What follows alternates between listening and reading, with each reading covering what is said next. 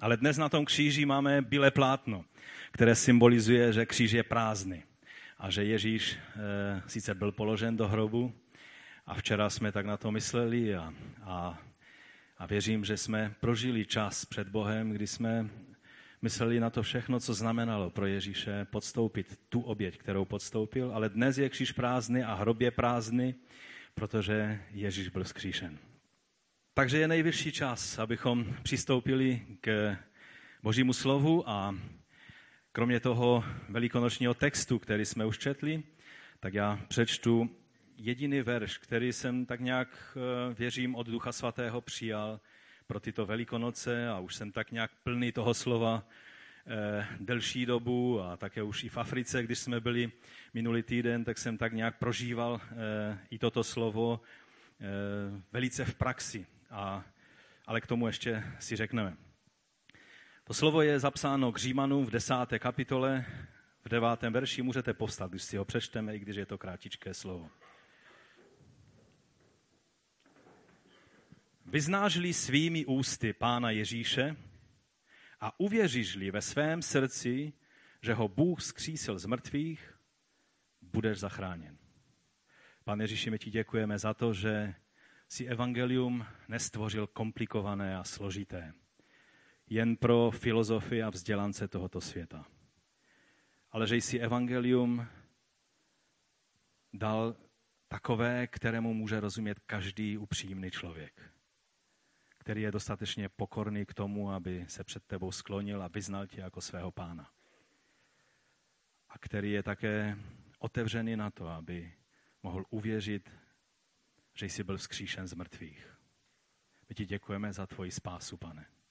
Chválíme tě a tak nám pomoz, abychom přijali to slovo a abychom žili tímto slovem a abychom tě mohli vyznávat jako svého pána na každý den. Amen. Amen. Můžete se posadit? V tom předvelikonočním čase jsme udělali takový speciální průzkum, jak na tom jsou lidé v našem městě, jestli, jak vlastně, co pro ně znamenají Velikonoce, Jednou se vám ukazoval, eh, když, když jste dali Velikonoce do, do Google, tak prvních mnoho stránek eh, jsem vám tady názorně ukazoval, co tam vylezlo. Eh, byly to sami zajičtí a, zajičcí a vajíčka a různé takovéto věci. A tak my jsme chtěli zjistit, jak vlastně lidé vnímají Velikonoce. A v souvislosti s tímto biblickým textem tak naši reportéři Aňa a Beno eh, se vydali do města a tímto jim děkuji za skvělou práci, kterou udělali. Eh, zeptali se některých našich spoluobčanů na tři a vlastně tak trochu čtyři otázky, které z toho biblického textu vycházejí. Za prvé, proč slavíme Velikonoce? Za druhé, znáte Ježíše? Za třetí, věříte, že byl vzkříšen? A za čtvrté, vyznali jste už někdy Ježíše jako pána? Pojďme se podívat, jak na to reagovali někteří lidé z našeho města.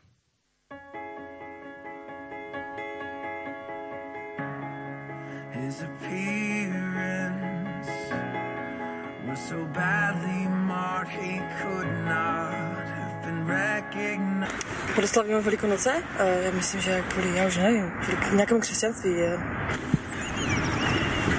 poněvadž někdy, někdy eh, byly nějaké ty děje, které, rozumíte, tu, tu, tu naboženskou eh, nám dali. To je, myslím, zkříšení Krista, ne? Protože to je náš národní svátek. No, tak to vůbec netuším, vlastně je to nějaký svátek, kdy máme zbyt ženský. Protože je to svátek? Tak jsou to křesťanské svatky. Ježko vždycky. To je jako tak, tak teďkom ze mě nedostanete nic. dostanu několik peněz, tak já se těším. Je to svatek uh, hodně Ježíše? Je to narození Ježíše Krista. No. Že povstal ten Ježíš Kristus. Jo? Ale vzkříšení Boha? No, Velikonoce slavíme proto, protože jelikož jsem křesťan, tak je to pro mě nejdůležitější svátek, protože byl Ježíš Kristus vzkříšen z mrtvých. Protože je to vlastně svátek usmrcení Ježíše Krista. Tak já osobně Velikonoce neslavím, protože to považuji za svátky jara, ne za křesťanské svátky a to ty zvyky, které jsou s tím spojené, tak mají pohanský původ a proto se k tomu takto stavím. Hm? Já neslavím. To se jedná o ten katolický svátek? Byl největší ještě větší svátek než Vánoce, ne? Tak jako proč slavíme? Já nejsem nábožensky založený člověk, akorát vím, že to je nějaké to ukřižování eh, Ježíše Krista. To znamená, je to nějaká tradice, která se dodržuje. Já si myslím, že je to správné, že aspoň chvíli v tom eh, společenském masakru se možná lidé chovají hezky.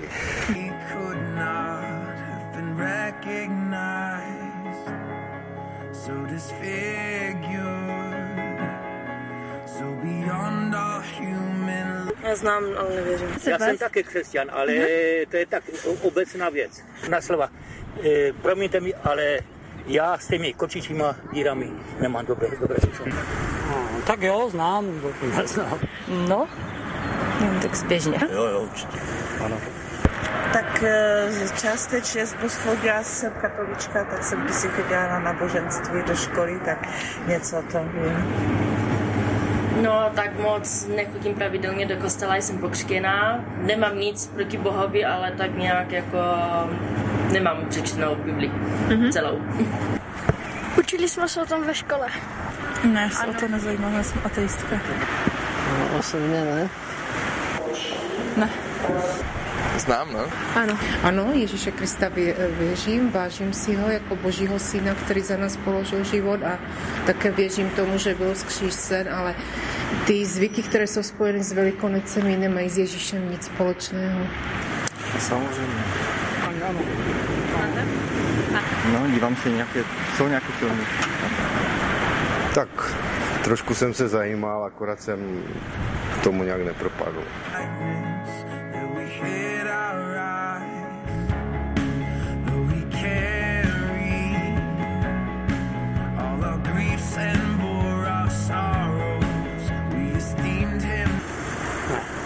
Já jsem ateista. No já ne. No tak je to možný. Bychom se to určitě bavit dále. Nevím, já si myslím, že to není nějak dokázané, ale možná na to něco bude. Nevěřím. No, tak ráda se podívám na nějaké ty filmy, ale jak říkám, nehádám se s nikým ani tak, ani tak. Mm-hmm. Nemluvím. Ano. Nevěřím v to vůbec. Spíš ne? Ne. Asi. Rozhodně. Ano, učila jsem se o tom. Ano? No, samozřejmě. O, to je těžká otázka. Věřit. Něco na tom bude, ale že bych jako přímo věřil v tohle, z toho to asi ne. Mm-hmm. Věřím. Na to je těžko odpovědět.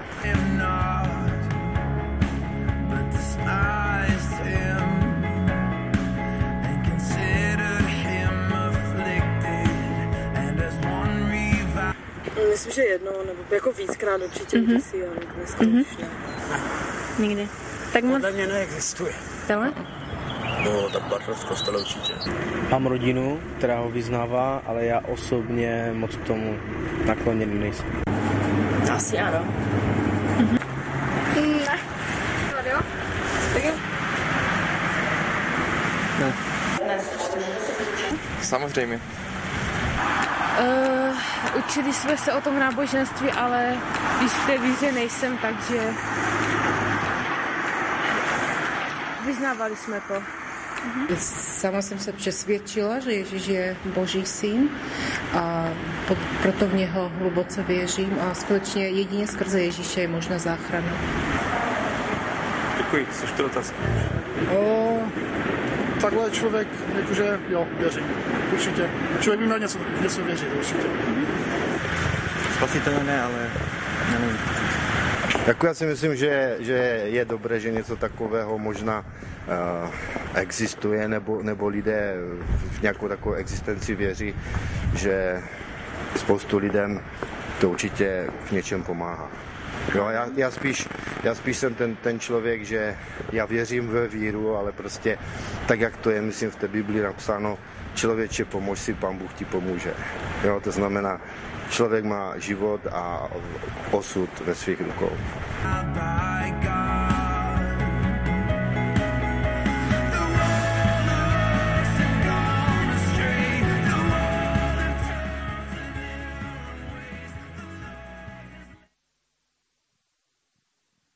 Tak, tak jste viděli, že na jednoduchou otázku nevždy je možné jednoduše odpovědět, že?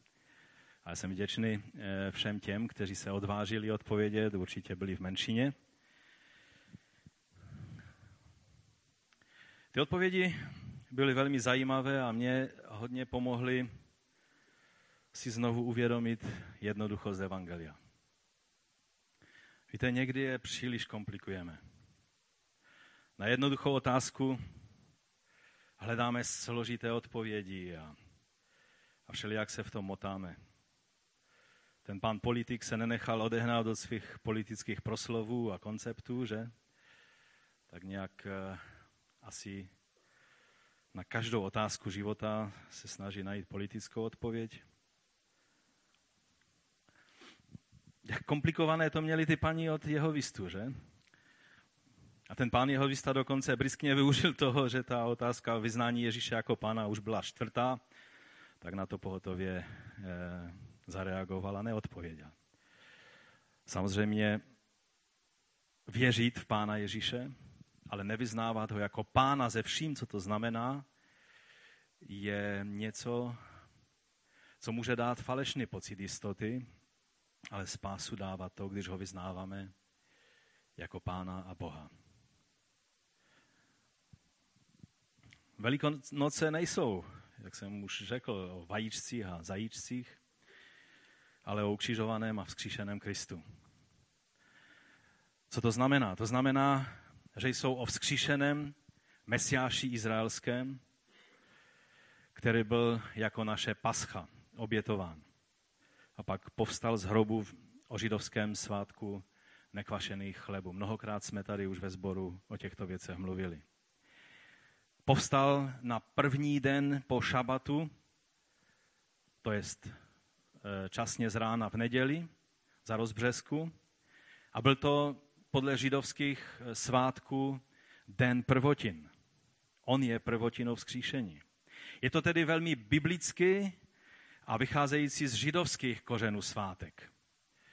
A to, že, že, že to odmítneme jako svátek jara, ano, samozřejmě je třeba tento svátek očistit od všech pohanských a nebiblických nečistot, jako je třeba pomláska a slavení plodnosti, což je zajíček, že? A jara, což jsou vajíčka a všechny ty další symboly. Ale tento svátek je na výsost biblický. Vlastně apoštol Pavel, Pavel nás přímo vyzývá ke slavení paschy. V 1. Korinském v 5. kapitole říká, vyčiste proto starý kvas, abyste byli novým těstem, neboť jste nekvašení. Vždyť Kristus, náš velikonoční beránek, a doslova tam je v řečtině naše pascha, naše pascha, byl za nás obětován. Slavme tedy svátek ne se starým kvasem, ani s kvasem špatnosti a zloby, ale s nekvašenými chleby upřímnosti a pravdy.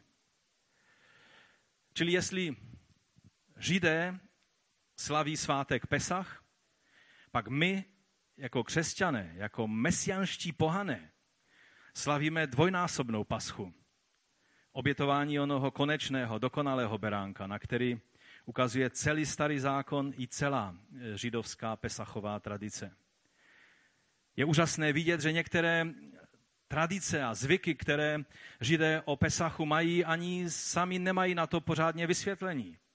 Třeba když rozlomí maces jako nekvašený chleb a rozdělí ho a jednu část schovají až na konec té večeře. Říkají tomu afikomen, což nám moc neříká, že? Ale je to jakoby skrytý. Skrytý chléb, který je vytažen teprve na konci. A mesiánští židé ví, že tím skrytým chlebem, který přišel z nebe, je mesiáš. Ale ortodoxní židé to dělají a neví přesně proč. Snažil jsem se na to přijít, ale není to jednoduché. A tady najednou Pavel k Římanům mluví o slovu víry. A to je můj první bod. Slovo víry, které máme vyznat. A říká, vyznáš-li svými ústy Pána Ježíše uvěříš-li ve svém srdci, že ho Bůh zkřísil z mrtvých, budeš zachráněn. Což znamená spasen. V Biblii 21 eh, tento text je dokonce řečen ještě jasněji, což je zvláštní, že? A je v souladu s nejnovějšími anglickými překlady a mně se jeví jako i přesnější, co se týče originálu. Tam je řečeno, vyznáš-li svými ústy, že Ježíš je pán. Že Ježíš je pán. Vyznáš-li svými ústy, že Ježíš je pán a uvěříš-li v srdci, že ho Bůh zkřísil z mrtvých, budeš spasen. Ten verš začíná slůvkem, které v češtině eh, přeloženo není, snad jedině ve staré věrné Bibli kralické, tam je to řečeno takto. Totiž vyznáš-li ústy svými pána Ježíše a srdcem svým uvěříš-li, že jej Bůh zkřísil z mrtvých, spasen budeš. Tam je to slovičko totiž, které znamená, také by mohlo být přeloženo protož. Je to slovíčko, kterým písatel chtěl navázat na to, co je řečeno předtím, na předchozí text.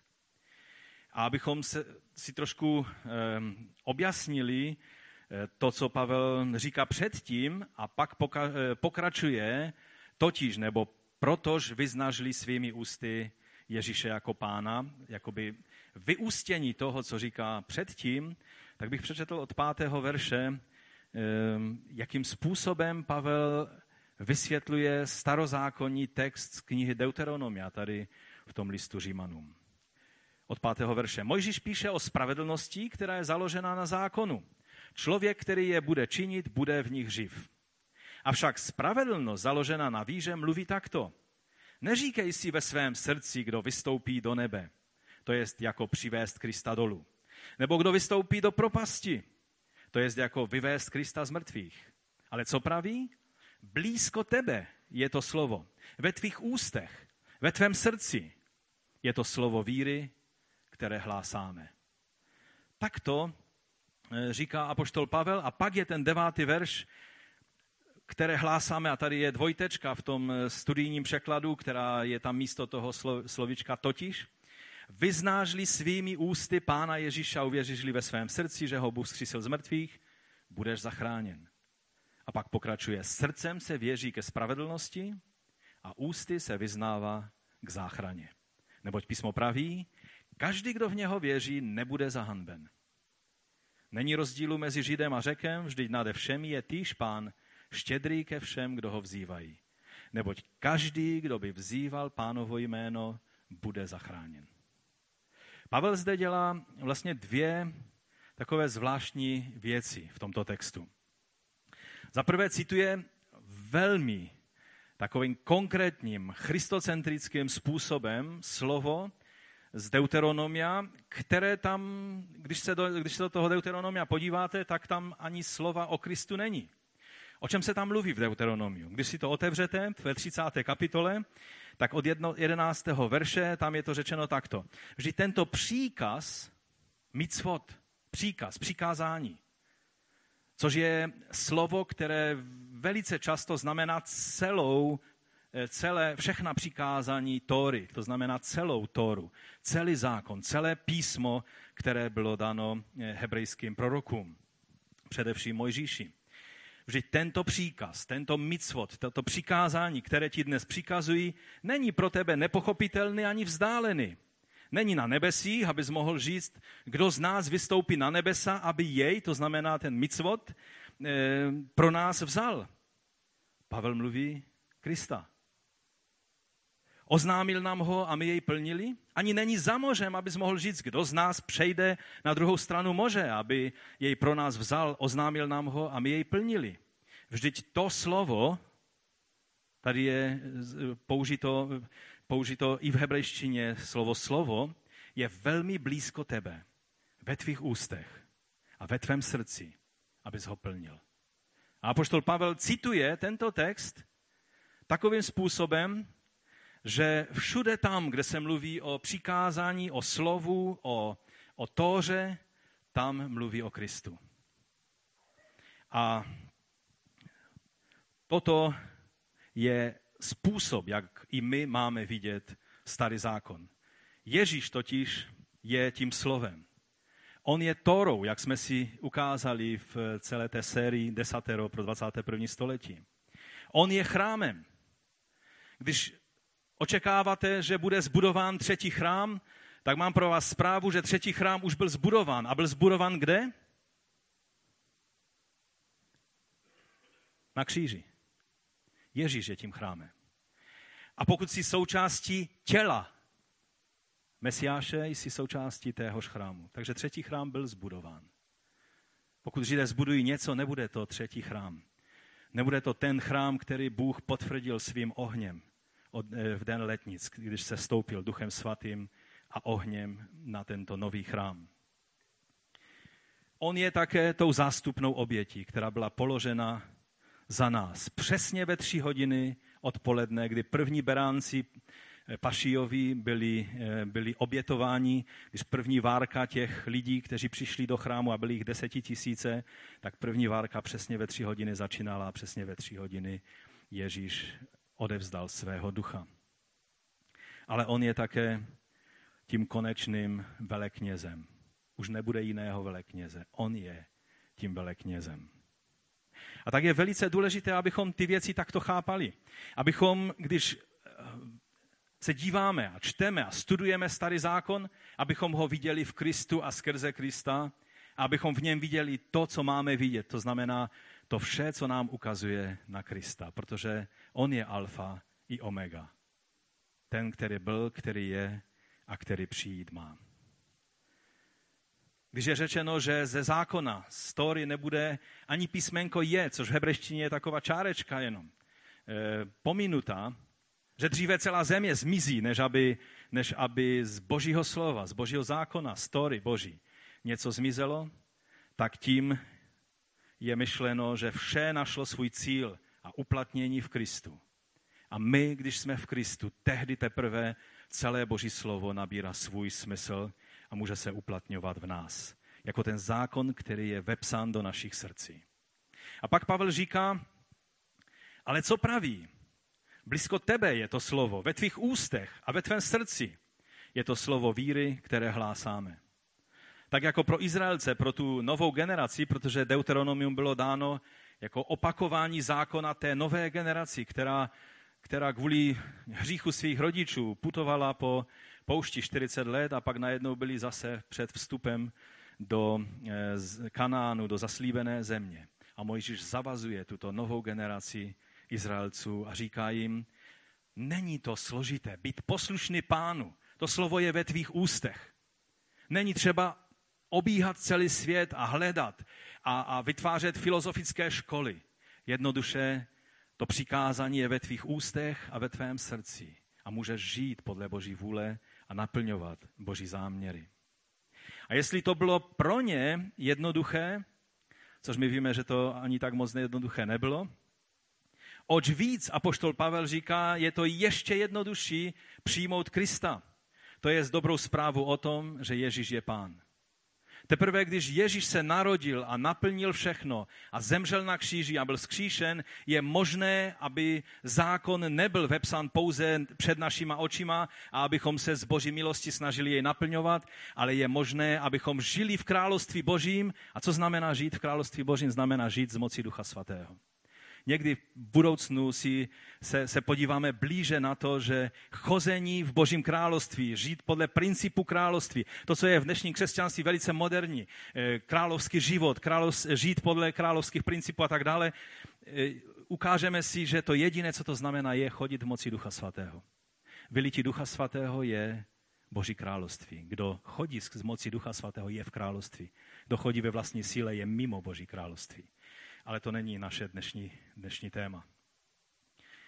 A zde pak Pavel cituje další starozákonní slovo z proroka Joele ze druhé kapitoly 32. verš.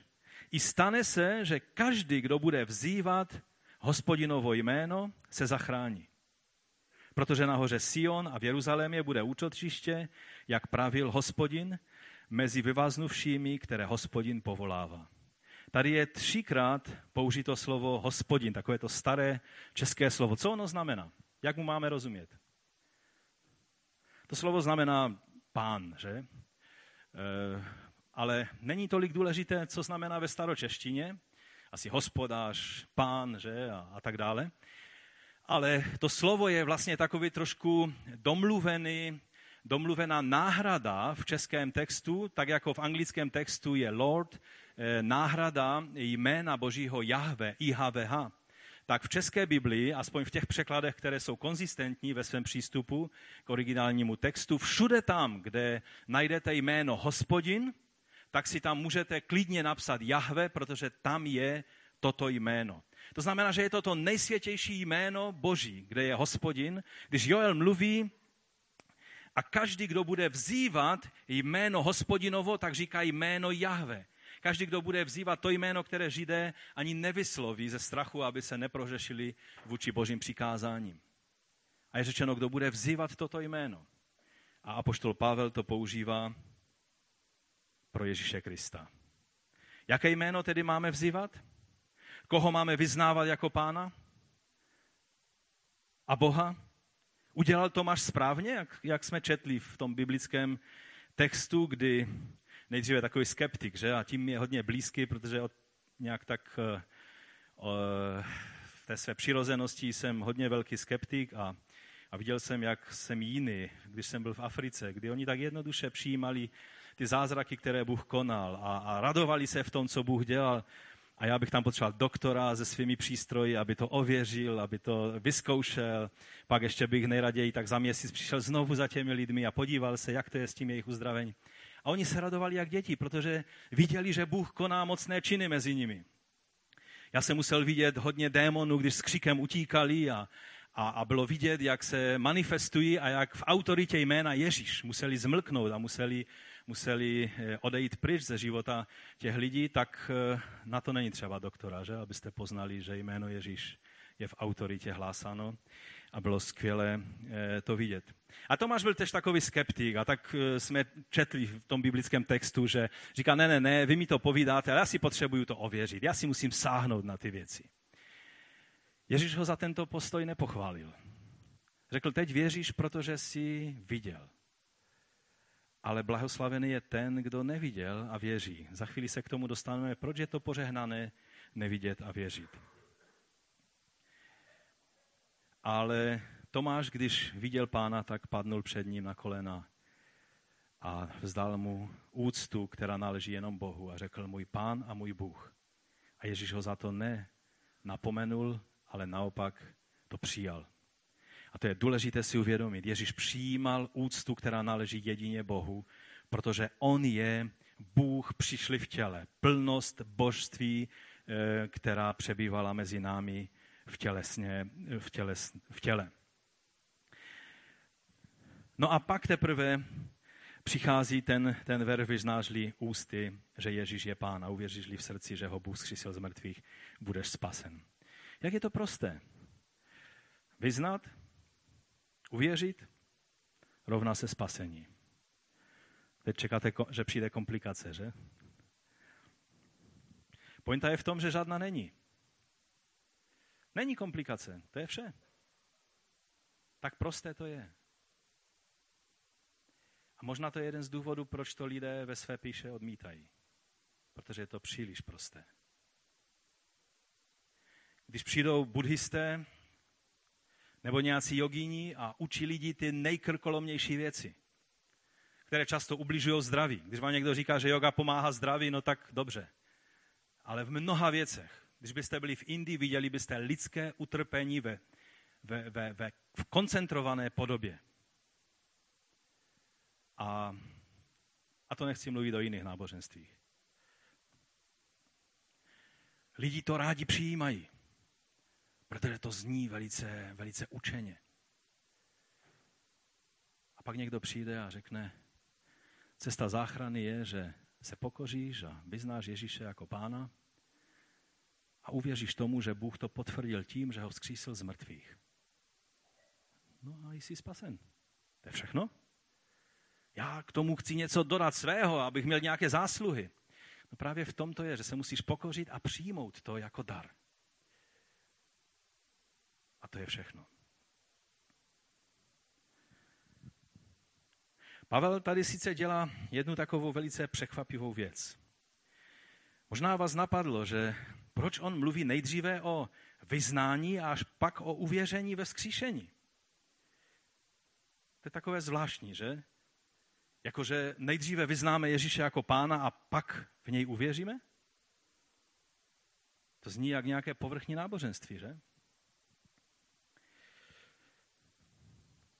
Zdá se to jako komplikace, ale je to právě naopak.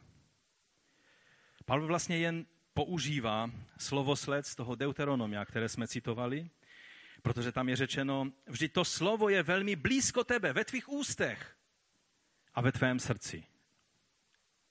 Abys ho plnil. Tam je tento slovosled a nemáme čas, abychom se tím zabývali, proč to tak je. Ale má to, má to hluboké důvody a Pavel vlastně toto přesně používá. Ale hned v té další větě je to řečeno opačně. V desátém verši v eh, tom listu Římanům říká, srdcem se věří ke spravedlnosti a ústy se vyznává k záchraně. Neboť písmo praví, každý, kdo v něho věří, nebude zahanben. To nám ukazuje jednoduchou pravdu, že ty dvě věci nelze od sebe oddělit. Nedávají smysl samostatně. Když by, když by někdo si řekl, aha, tak mám vyznat Ježíše, tak ho vyzná svými ústy, ale nebude skutečně věřit ve svém srdci a bude z toho prázdné náboženství, prázdné náboženské rituály a takových lidí po světě běhá dost. Protože jsou celé církve, náboženství, které v tom člověka podporují. Že je to jenom prázdné následování nějakých obřadů, tradic a rituálů. Ale když zase někdo říká, ale já hluboce v srdci věřím. No když věříš, tak jak to, že jsi ještě Ježíše nevyznal svými ústy, svými skutky? Tím, že by si vstoupil do vody a vyznal ho ve kštu ve vodě. Křest je vyznání Ježíše, že? Je napsáno, kdo uvěří a pokští se.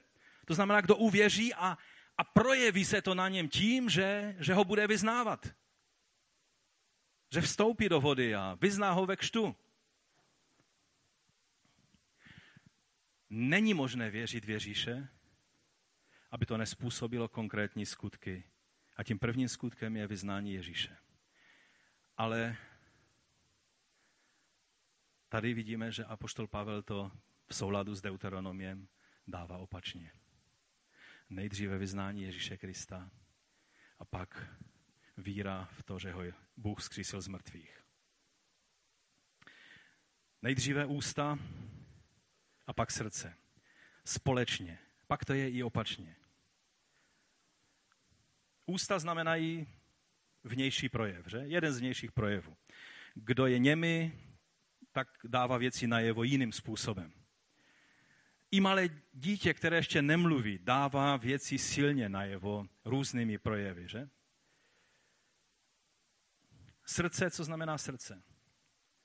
Pro nás v dnešní době srdce vždycky je malují se srdíčka, valentínky a tak dále, že eh, je centrum emocí, lásky a tak dále. Eh, starobilí hebrejové by se na vás dívali a řekli, proč do toho pletete nějaká srdíčka a nějaké věci. Srdce je přece centrum vnitřního člověka, eh, centrum myšlení člověka, celého vnitřního člověka. Takže když vám někdo říká, musíš to prožívat srdcem, hlavu odlož, nepoužívej hlavu tak je vlastně silně nebiblický, protože starému Hebrejovi by musel říct, odlož své srdce, neprožívej to tolik srdcem. Protože srdce bylo centrum intelektu, nejenom citu a vůle. A to je důležité si uvědomit. Nejde uvěřit, aniž bychom porozuměli. Víra není nějaký, nějaký mystický úkon, ten, kdo má dar víry, jak se říká.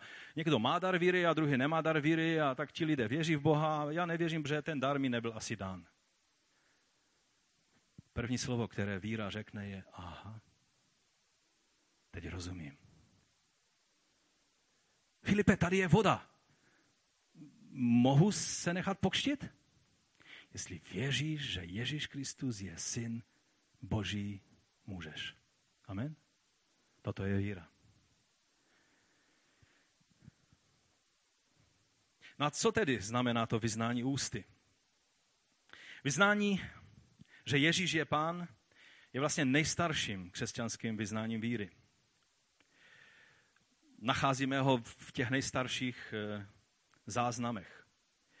Pavel dokonce říká, že nelze toto vyznání v plném slova smyslu říct bez zmocnění Ducha Svatého. Že? V 1. Korinským 12.3 říká, proto vám oznamuji, že žádný, kdo mluví v duchu božím, neřekne Ježíš buď proklet a nikdo nemůže říci Ježíš je pán jedině v duchu svatém.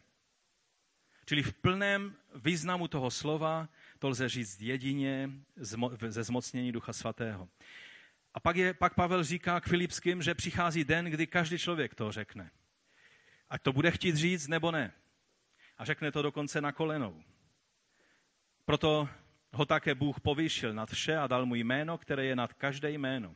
Aby se ve jménu Ježíše sklonilo každé koleno a ti, kdo jsou na nebi, i na zemi, i pod zemí, k slávě Boha Otce, aby každý jazyk vyznal, že Ježíš Kristus je Pán. Ovšem, kdo bude čekat až do toho okamžiku, tak může být hodně silně zklamán. To bude moment, ve kterém to nebude vyznání víry, to nebude vyznání toho, že přijímám Ježíše jako svého pána, ale bude to pokoření a podřízení Kristu, panství Kristovu celého světa i z následky, které to bude mít. A teď k té otázce, co znamená vyznání ústy. Vyznání je především akt pokory. To chci hodně zdůraznit. Je to akt podřízení se tomu, o kom toho vlastně ještě moc nevím. Křesťanský život totiž nelze studovat zvenčí. Mnozí by tak chtěli zkoumat křesťanství zvenčí, osáhat si to. A teprve až budou mít jistotu a všechny otázky zodpovězeny, že dnešní člověk je zvídavý a na tom trůnu svého života pevně sedí usazen ve svém sekulárním humanismu, nechce dát otěže života jen tak někomu, když je vyzván, aby podřídil svůj život. Myslí si, že to má on ve svých rukou, ale tak jako bratr, ten bratr Per v Africe jedno kázání měl, že jsou jenom dva království, dvě království. Je království světla a království tmy. A bude člověk v království světla, podřídí se Ježíši Kristu nebo je v království tmy. Pokud si člověk namlouvá, že je ve svém vlastním královstvíčku, jak ten pán tam řekl, eh, já věřím ve víru, eh, že je třeba mít nějakou víru a jak říká Bible, to mi připomnělo Šumaře na střeše, když ten, ten žid vždycky říkal, a jak, říká, jak, jak říká svatá kniha, a pak říkal takové věci, které byste hledali i celý rok v Biblii a v životě nenajdete. Jo? Jeho manželka ho pak napomněla. Ale tady mi to přišlo tak podobně, protože tam bylo řečeno něco, co, co zní sice hezky, ale v Biblii byste to nenašli. Rádi máme své věci ve svých rukou. Ale vyznání Ježíše znamená akt pokory, podřízení se tomu, o kom toho vím ještě velice málo. Je třeba vyznat Ježíše a jen potom jej můžeme poznávat více a více a naše víra v to, že byl vzkříšen z mrtvých a že je pánem pánu a králem králu, může být více a více neotřesitelná a budeme vědět, proč je tolik důležitá. Víte, zpočátku často to je jen takovéto rozhodnutí, pane Ježíši, pokud si tím, za koho se tito křesťané, eh, za koho tě tito křesťané mají, pomoz mi.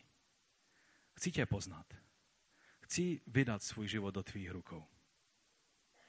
Ukaž se mi nějakým způsobem. Kdo z vás čekal se svým vyznáním Ježíše až do momentu, kdy jste měli plné informace o něm? Je tady někdo takový? Že jste vydali svůj život Pánu Ježíši Kristu teprve, až jste měli absolutní jistotu, že o něm všechno, co, co je možné poznat, víte a všechny souvislosti a všechno. Je tady nějaký takový člověk? Že pokud by byl, tak bych vás musel zklamat, protože já sloužím pánu už dobrých 40 let, vědomě. A jsem víc a víc fascinován, jak malý kluk z toho, jak mohu vidět souvislosti, které s Kristem souvisí, jak ho mohu vidět, čím vším on je, jak mohu objevovat ve starém zákoně a v novém zákoně a ve všech filozofiích a ve všech, všech moudrých knihách a v tom všem, co lidé se snaží zhromáždit a, a vysvětlit, jak mohu vidět, že Kristus je středobodem všeho. A pokud jsme dostatečně pokorní a podřídíme mu svůj život, tak můžeme vědět, že jsme udělali dobře. Ale když vydáváme svůj život Pánu Ježíši, tak toho v té chvíli ještě moc nevíme. A myslím si, že to je jeden z důvodů, proč apoštol Pavel dává to vyznání svými ústy dřív, než tu víru, protože když bychom čekali až na plné potvrzení všeho, pak bychom možná nikdy svůj život do jeho rukou nevložili. Je to jako v tom Deuteronomiu. Předtím, když bychom šli o pár veršů před ten text, který už jsme četli z Deuteronomia, tam je řečeno, skryté věci patří hospodinu, našemu Bohu, a odhalené pak nám a našim synům až na věky, abychom plnili všechna slova tohoto zákona. To je pokorný postoj. Když si neřeknu, až budu vědět všechno, až mi všechny otázky vysvětlíte, to dělají sekty. Ty to zase dělají takovou trošku zkratkou, protože vemou a, a na všechno dají odpověď. A, a vytvářejí falešný pocit, že máte odpovědi na každou otázku. Pokora velí, je toho víc, co neznám. A když bych skutečně poznal hodně, tak budu vědět, že nic nevím. Ale vím jedno, že Ježíš je pán a vyznám ho svými ústy. A v srdci budu věřit. Co znamená věřit si, řekneme hned za chvilinku.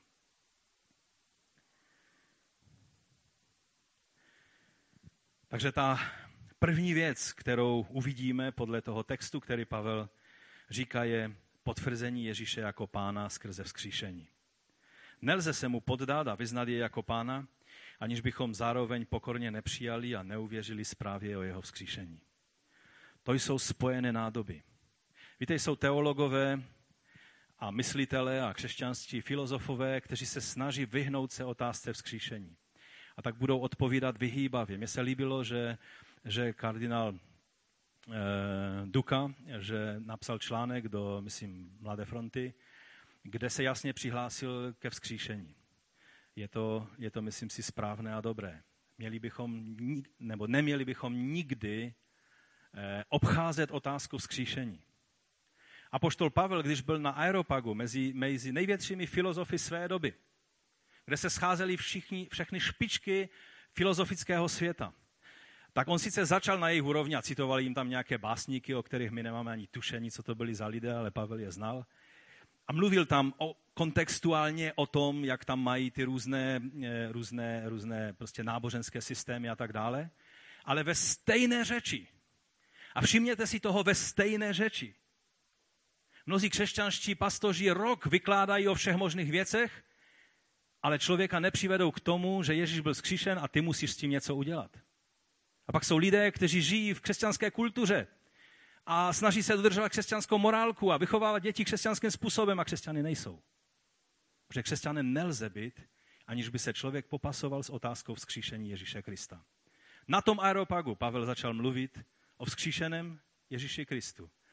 A někteří filozofové řekli, no tak počkej, počkej, počkej, tak o těchto věcech to tady vykládat nebudeme. Někdy příště zase, jo, už, už horko působí, že je teplo, takže běž se trošku schladit. Ale byli někteří muži, kteří šli za ním a některé ženy. A kteří řekli, pojď nám něco víc o tom říct. Protože věděli, že tohle je to, co potřebují slyšet. To je pokora. I mezi filozofy se našli někteří pokorní lidé. Díky Bohu. Takže co znamená věřit tomu, že ho Bůh zkřísil z mrtvých? Už jsem mluvil o, o těch skutcích 17. kapitole. Tam Pavel vlastně řekl velice jednoznačnou věc. On řekl ve 30. verši 17. kapitoly, když tedy Bůh přehledl ty doby nevědomosti, nařizuje nyní lidem, aby všichni a všude činili pokání. On tady mluví o pokání, což je další taková věc, které se mnozí chtějí vyhnout, protože přece nebudeme mluvit o pokání z hříchu, teď je to navysost náboženský termín. Neboť ustanovil den, v němž bude spravedlivě soudit obydlený svět skrze muže, kterého k tomu určil, všem o tom poskytl důkaz tím, že je vzkřísil z mrtvých. Tady je to velice jasně řečeno, že celý svět dostal konečný důkaz o tom, že Ježíš je pán, který bude soudit živé i mrtvé a každý člověk musí uspořádat svůj život a, a, a popasovat se s touto informací, že Ježíš je pán, který byl potvrzen v moci skrze vzkříšení, jak říká Pavel v listu e, Římanům. A v 1. Korinském v 15. kapitole Pavel říká, není-li však Kristus vzkříšen, je vaše víra marná. Pokud je nějaký křesťan, který pochybuje o vzkříšení Ježíše Krista, pak je tvoje víra marná. Pokud by Ježíš nebyl vzkříšen, stále jste ještě ve svých hříších. To je radikální názor. Pastor Timothy Keller, který, který slouží v New Yorku eh, ve sboru, do kterého chodí většina studentů a manažerů a různých intelektuálů z, z Manhattanu, tak eh, on to řekl takto. Pokud Ježíš vstal z mrtvých, pak musíš akceptovat vše, co řekl. Pokud ovšem nevstal z mrtvých, pak proč se trápit tím, co říkal?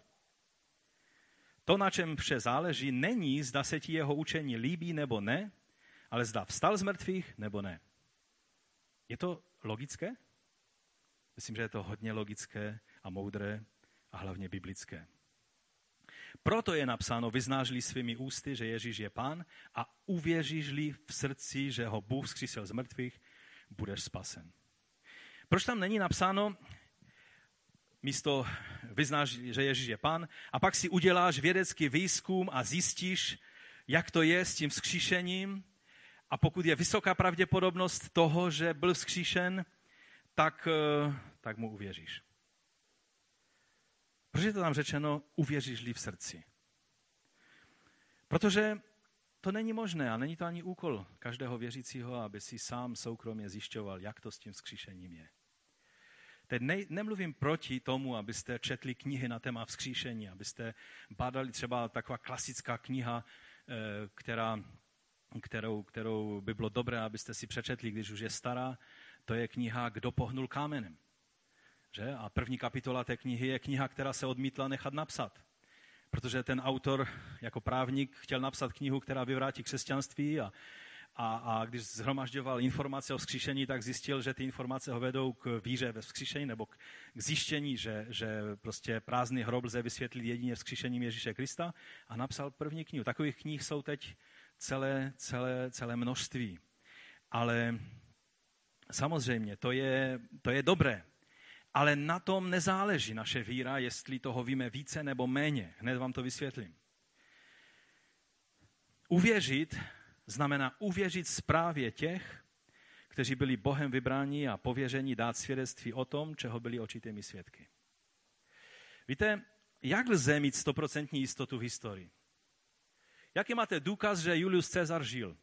A že mluvil to, co mluvil a že dělal ty dobyvačné kampaně, které dělal. Ano, když přijedete do Afganistánu, je povědomé, že někteří lidé tam mají modré oči, to je takové zvláštní, že? Eh, že tam nějací ti Evropané přece jenom byli, ale to je slabý důkaz. To mohl udělat i někdo jiný. Máme jenom vysokou míru pravděpodobnosti, že? V historii. V historii to není tak, že vemete do laboratoře, hodíte tam nějaké chemikálie, zabzučí vám to, bouchne vám to a řeknete, amen, je to tak, je to dokázáno. Že? Takže jak je to s tou vírou?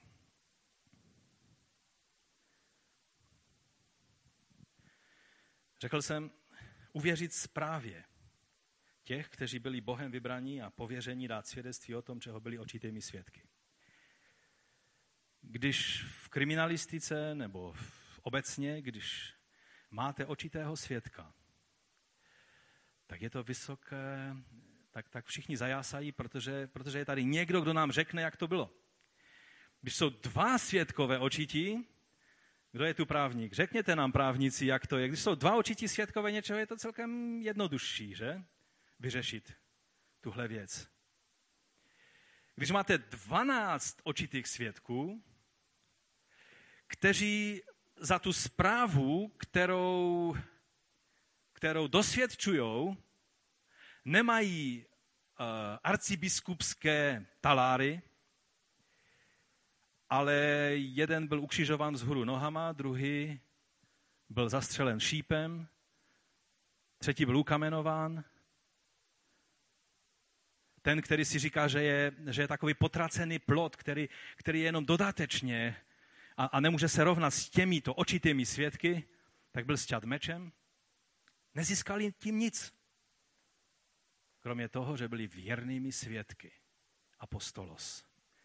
Apostolos není jenom svědek, to je svědek, který je pověřen a poslán, aby před každou autoritou a před každým, kdo to požaduje, vydal svědectví o tom, co viděl a co, čím byl pověřen, aby vydal svědectví. To je význam slova šaliach v hebrejštině, apostolos v řečtině a z toho pochází slovo misionář v latině.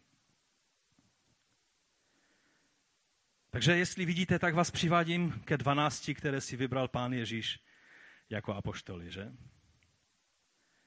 Mnozí křesťané mluví své svědectví hodně subjektivně a, a hodně se zabývají tím svým prožitkem, jak to prožili a jak když přijali Pána Ježíše do svého života. Ale naše svědectví má být především o tom, že jsme uvěřili zprávě, kterou nám podali ti, kteří byli k tomu Bohem vybrání a pověření a byli očitými svědky toho, o čem dosvědčují, a bylo jich dvanáct. Proč dvanáct? Tak díváte překvapeně na mě, jak bych vám tady nějaké nové učení vykládal. Proč jich bylo dvanáct? Moderní teologové, hlavně takoví ti, co se zabývají růstem církve, tak řeknou, no tak eh, jeden vedoucí není schopen zvládnout dvě, tři skupinu než 12 lidí. Protože těch interaktivních vztahů můžete mít jenom určitý počet. To je, to je pravda.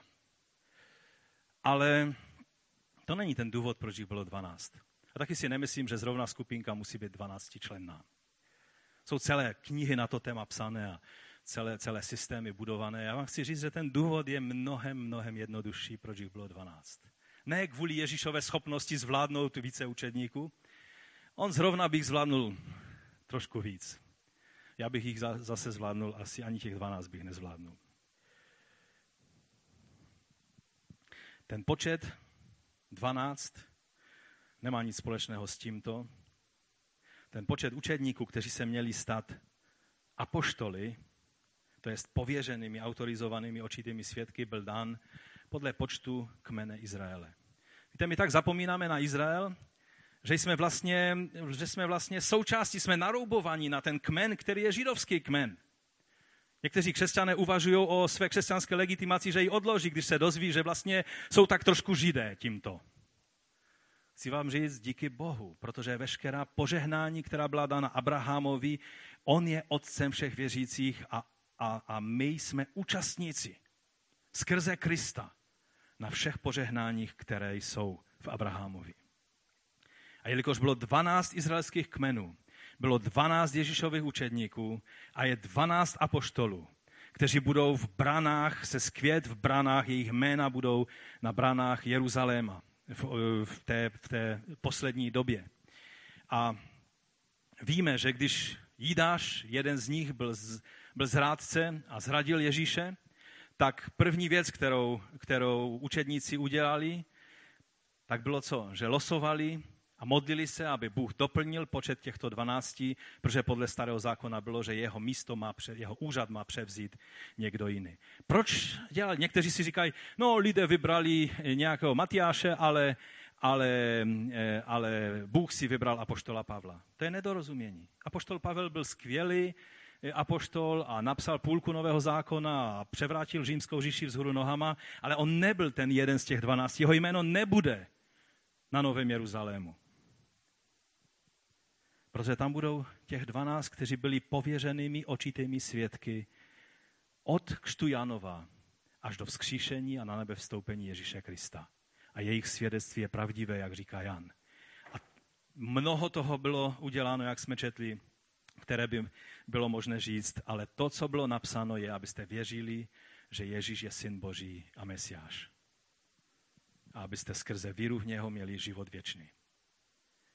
Takže když potom vidíme, když Jakub byl stět, on byl taky součástí 12, nevidíme, že by apoštole v Jeruzalémě řekli tak a bude další hlasování. Pojďme se modlit a budeme hlasovat, protože potřebujeme nástupce za Jakuba. Byl nějaký nástupce za Jakuba?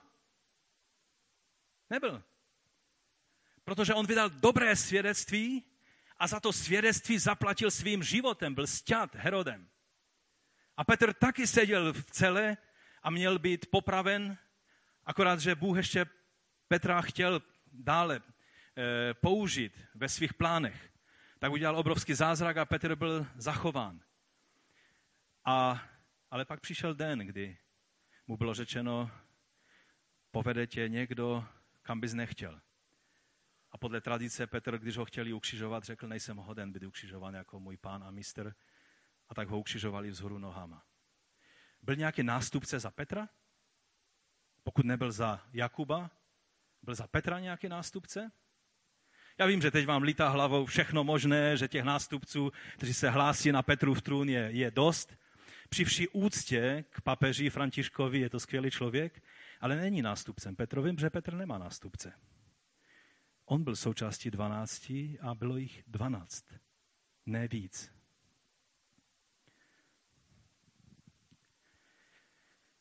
A na nás je, abychom svědectví těchto dvanácti věřili. Nemáme možnost si ověřit prázdný hrob. Když dneska přijedete do Jeruzaléma, tak tam je tak obrovitý chrám a tolik náboženského eh, hemření na tom místě, kde byla kdysi Golgata a, a hrob, že, že tam s hruzou utečete, pokud máte trošku duchovní rozeznání a řeknete si, co to bylo. Ale máme apoštolské svědectví, říká se mu nový zákon, který dosvědčuje, že to, co se s Ježíšem stalo v tu noc, kdy byl vzkříšen, že hrob zůstal prázdný a že Ježíš byl potvrzen v moci jako boží syn vzkříšením. A tím Bůh poskytl důkaz celému světu. Toto oni dosvědčili. Toto nemám možnost já dosvědčit, protože žijí 20 století potom, ale toto je pokora, když řeknu ano, já věřím těmto očitým svědkům. Já věřím apoštolskému svědectví. Já potřebuji svědectví těchto dvanácti, které si Ježíš vybral když vám někdo řekne, ale já jsem stejný apoštol dneska, protože dneska je hodně apoštolů po celém světě, jako byl Petr, jako byl Pavel a tak dále, tak mu řekněte, možná jsi apoštol, ale jako Petr nemůžeš být, protože jich bylo 12 a to, oni měli speciální úkol a jejich jméno bude na jeruzalemských branách, tvé jméno tam nebude při vší úctě, tvé jméno bude na kamínku. Nechci se pouštět do zjevení ani vysvětlovat, co to je, ale rozumíte, co chci říct? Víra znamená ne, že ty si všechno ohmataš svýma rukama, ale že uvěříš svědectví těch, kteří byli pověření, posláni, vydali dobré svědectví, spečetili ho svým vlastním životem a jsou věrohodnými svědky toho, o čem svědčí. A my můžeme říct díky ti Bože za to, že zdal své věrné svědky, kteří vydali toto svědectví. A proto věřím Božímu slovu, apoštolským spisům Nového zákona i prorockým spisům a to, že Starého zákona, protože celé písmo vydává svědectví o tom, že Ježíš Kristus je Pán. Povstaňme k modlitbě.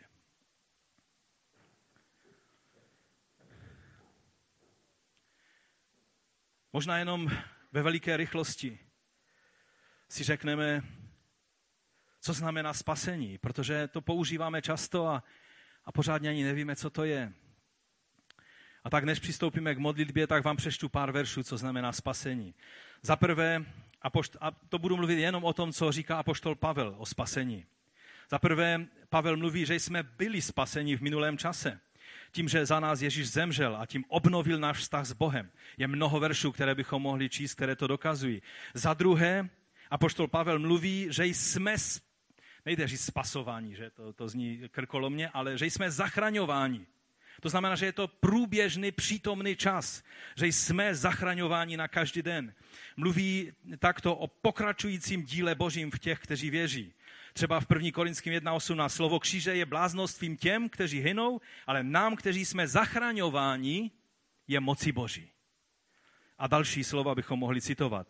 Také eh, Pavel mluví o tom, že budeme v budoucnu zachráněni, spaseni že budeme zachráněni od budoucího hněvu v den soudu, ale také, že budeme zachráněni pro věčný život v Boží slávě. A pak za čtvrté mluví Pavel o obnově a spáse Izraele, nejen jako jednotlivců, ale o spáse celého Izraele, celého ostatku Izraele, který v ten poslední den uvidí, koho probodli a vydají se mu znovu nejenom jako jednotlivci, ale jako národ. A nakonec Pavel ještě dál mluví A mluví o spasení nejen člověka, ale k Římanu v 8. kapitole mluví o obnově všech věcí, celého stvoření. A říká vždy celé tvorstvo, nejenom člověk, ale i zvířata, příroda, všechno, bylo toužebně vyhlíží očekávání zjevení božích synů. Nebo tvorstvo bylo poddáno marnosti nedobrovolně, ale kvůli tomu, který je poddal a má naději, že i ono samo bude vysvobozeno z otroctví zániku do slavné svobody božích dětí. Víme přece, že celé tvorstvo až dodnes společně sténa a pracuje k porodu. Víte, když eh, se vám zdá, že ta planeta vypadá hůř a hůř a, a že se s ní dějou věci, které nejsou dobré, souhlasím s vámi, ale vyřešení není Greenpeace, vyřešení nejsou lidé, kteří uctívají Matku Zemi, řešení je, když přijde Pán a zjeví se synové Boží a bude království nebeské na této zemi a tehdy bude obnoveno nejenom, nejenom národ Izrael, nejenom eh, lidé, kteří vstoupí do mesiánského království, ty a já, kteří tam budeme, ale celé stvoření, celé tvorstvo se bude radovat a bude fungovat tak, jak má a věci budou obnovené skrze působení Božího ducha a ne působením nějakých východních filozofií a náboženství. Tak vám chci říct, že skutečně evangelium je moci Boží ke spasení. To, co jsme, eh, to, o čem jsem mluvil v pátek, jestli tam můžeme dát nějakou fotku, to, o čem jsme mluvili, když jsem vám obšírně eh, dával svědectví o tom, co, co Bůh konal ten minulý týden mezi, mezi lidmi v té subsaharské republice v, eh, v Mali, v Africe, kdy v muslimském prostředí, kde 95% lidí jsou muslimové, pak jsou nějací animisté a pár křesťanů v městě, ve kterém byl jeden malinkatý zboreček, který ani nevěřil v nějaké uzdravování a v nějaké eh, vymítání démonů a, a v nějaké působení boží moci. A najednou tam vznikly tři nové sbory během těchto pár dnů a stovky lidí vydali své životy pánu. A když bylo slovo kázáno v moci, božího ducha, tak démoni reagovali a museli utíkat. A byli, byli, už jsem to tady v pátek mluvil, ukazoval některé, některé ukázky, ale střetnutí mocí v takové chvíli vždy znamená to, že démoni přesně ví, jaká je Ježíšova autorita. Bylo legrační, že ti démoni rozuměli i polsky, protože my s Boušem Sikorou jsme vymítali polsky a tak slovu vyjď museli rozumět. Protože skutečně reagovali a a tito lidé byli vysvobozeni a na druhý den se zúčastňovali vyučování o tom, co znamená věřit v Ježíše Krista. Oni jeden večer vyznali Ježíše Krista jako pána, byli vysvobozeni mnozí z démonů a na druhý den se dozvídali, co to všechno znamená. Že Ježíš byl skříšen, že mu můžou věřit, že mu můžou svůj život dát do rukou. Toto je moc Evangelia. Proč často zašmodrcháme evangelium, bojíme se ho lidem dát takové, jaké ono je? Je to proto, že nevěříme evangeliu, když ve svém svědectví zdůrazňujeme všelijaké naše, naše subjektivní pocity a tak dále a neřekneme evangelium, což je svědectví o tom, že Ježíš je pán a že byl zkříšen z mrtvých, tak v tom svědectví pak je hodně subjektivních pocitů, ale není v tom evangelium. A lidé jsou proměňováni ne mými subjektivními pocity, ale evangeliem Kristovým. Pane, my tě prosíme, abys nám pomohl, abychom lidem nepředávali naše dojmy, naše myšlenky, ale tvé evangelium, které je moci Boží ke spasení. Aby lidé tě mohli vyznat jako pána a mohli uvěřit ve svých srdcích, že jsi byl vzkříšen, aby mohli být spasení. Pane, pomoz nám, abychom to činili věrně, abychom kázali tvé evangelium včas i v nečas, abychom, aby nebylo ani jednoho člověka, se kterým přijdeme do kontaktu, který by odcházel s prázdnou a nevěděl, co znamená tvé evangelium o životě. Tak tě o to prosíme v tuto velikonoční neděli, kdy si připomínáme tvé vzkříšení, kdy jsi byl potvrzen v moci Božího Syna. My tě chválíme a vyvyšujeme za tvoji dobrotu. A teď bych vás chtěl vyznat, abychom závěrem starobylé vyznání víry řekli společně, apoštolské vyznání víry. Můžeme si ho tam dát před nás. A pojďme společně, tak jako křesťané už po 2000 let vyznávají ty tež pravdy o našem pánu. Tak je pojďme teď společně. A pro některé z vás to možná bude poprvé v životě, že vyznáte Ježíše a víru v to, že on byl vzkříšen a že má moc a že bude soudit živé i mrtvé. Ale pokud to děláš poprvé v životě, pak se nezastav jenom u toho vyznání, protože spasen je ten, kdo vyzná Ježíše jako pána a uvěří ve svém srdci. Nejde věřit a nevyznat. Nejde vyznávat, aniž bychom uvěřili. Pojďme společně říct toto vyznání. Věřím v Boha Otce Všemohoucího, Stvořitele nebe i země, i v Ježíše Krista, Syna Jeho jediného, Pána našeho, jenž se počal z Ducha Svatého, narodil se z Marie Pany, trpěl pod Pontiem Pilátem, ukřižován, umřel i pohřben jest. Sestoupil do pekel, třetího dne vstal z mrtvých, vstoupil na nebesa, sedí po pravici Boha, Otce Všemohoucího. Odtud přijde soudit živé i mrtvé. Věřím v Ducha Svatého, svatou církev obecnou, společenství svatých, odpuštění hříchů, vzkříšení těla a život věčný. Amen. Ať vás pán požehná ve vašem vyznání, ať způsobí, že vaše vyznání nebude jenom ve vašich ústech, ale stane se i vírou vašich srdcí. Kež každý z nás, jak jsme tady na tomto místě, můžeme vydávat dobré svědectví o Ježíši Kristu na každý den našich životů a kež víra, která je v nás, se může upevňovat více a více, abychom upevňovali nohy těch, kteří kolísají a pochybují. Ať vás požehná Pán v tuto neděli neděl. Ať můžete jít ve zmocnění Jeho Ducha Svatého, kterým se děje nejenom začátek té cesty, ale i dokonání z Jeho moci, z moci Ducha Svatého. Amen. Pán vám žehnej.